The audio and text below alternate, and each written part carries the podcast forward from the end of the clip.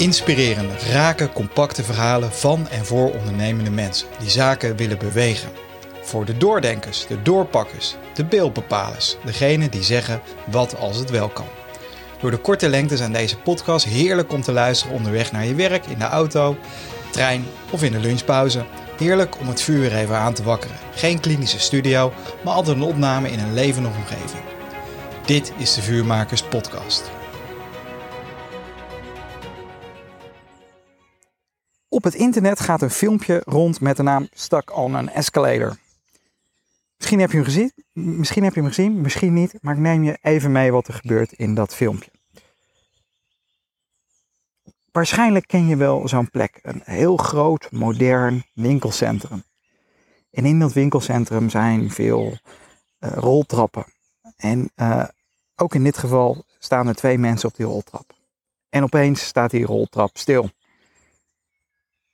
tot hun grote verbazing. En ze beginnen te roepen: Hallo, hallo, is er iemand? Uh, hij doet het niet meer. Uh, en de vrouw begint ook mee te. Hallo, hallo. Steeds harder beginnen ze te roepen. En, en, en op een gegeven moment zijn ze het roepen beu. En, en gaan ze gewoon zitten, zitten wachten op die roltrap. En na een tijdje horen ze: Hé, hey, hallo, het is uh, meteen opgelost hoor. Ik ga, ik ga het regelen. Dus de monteur die het uh, inderdaad gewoon gaat regelen. En uh, binnen een paar tellen doet die roltrap het weer en kunnen ze weer verder met hun leven.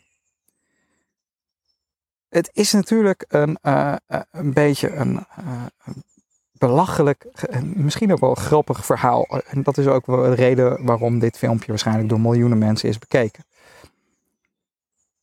En voordat ik hier verder iets over wil zeggen, wil ik eerst nog een ander verhaal vertellen. Ruim 40 jaar geleden, alweer, uh, was er een man, een genaamd Richard Branson, die zich in een soortgelijke situatie in het Caribisch gebied bevond. Zijn vlucht was geannuleerd en uh, het was een best wel een belangrijke vlucht. En uh, hij, hij in, plaats van te klagen en boos te worden, omdat het zo'n belangrijke vlucht was, liep hij naar de andere kant van het vliegveld om te vragen hoe duur het was om een vliegtuig te charteren voor een vlucht eh, uit eh, Puerto Rico. Daarna leende hij een schoolbord en schreef hij daarop met een krijtje ticket terug naar de Maagdeneilanden 39 dollar. Hij liep terug naar de gate en verkocht genoeg tickets om uit kosten te raken en hij was nog op tijd thuis ook. Dit was het begin van uh, wat je wel kunt raden, misschien Virgin Airlines en het imperium waar het hij vandaag de dag heeft. Meer dan 200 uh, bedrijven, geloof ik.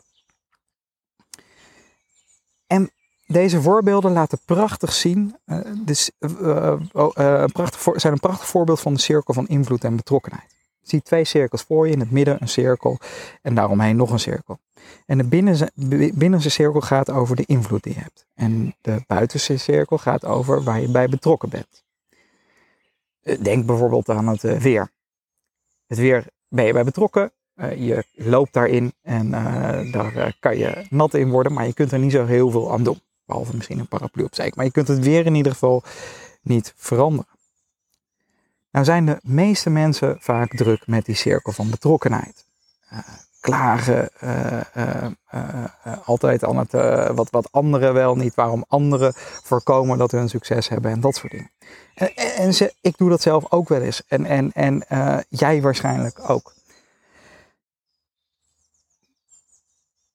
Nou, is die roltrap natuurlijk een prachtig voorbeeld van iemand die bezig is met de cirkel van betrokkenheid.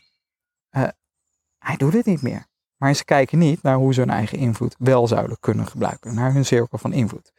Richard Branson daarentegen, die keek absoluut naar wat kan ik nou eigenlijk wel doen. In plaats van hier gewoon zitten en maar zien wie het voor me gaat oplossen. Dus kijk meer naar je cirkel van invloed. En dat is natuurlijk hartstikke makkelijk gezegd waarom doen we dat dan niet constant? Dat is natuurlijk wel een interessante vraag.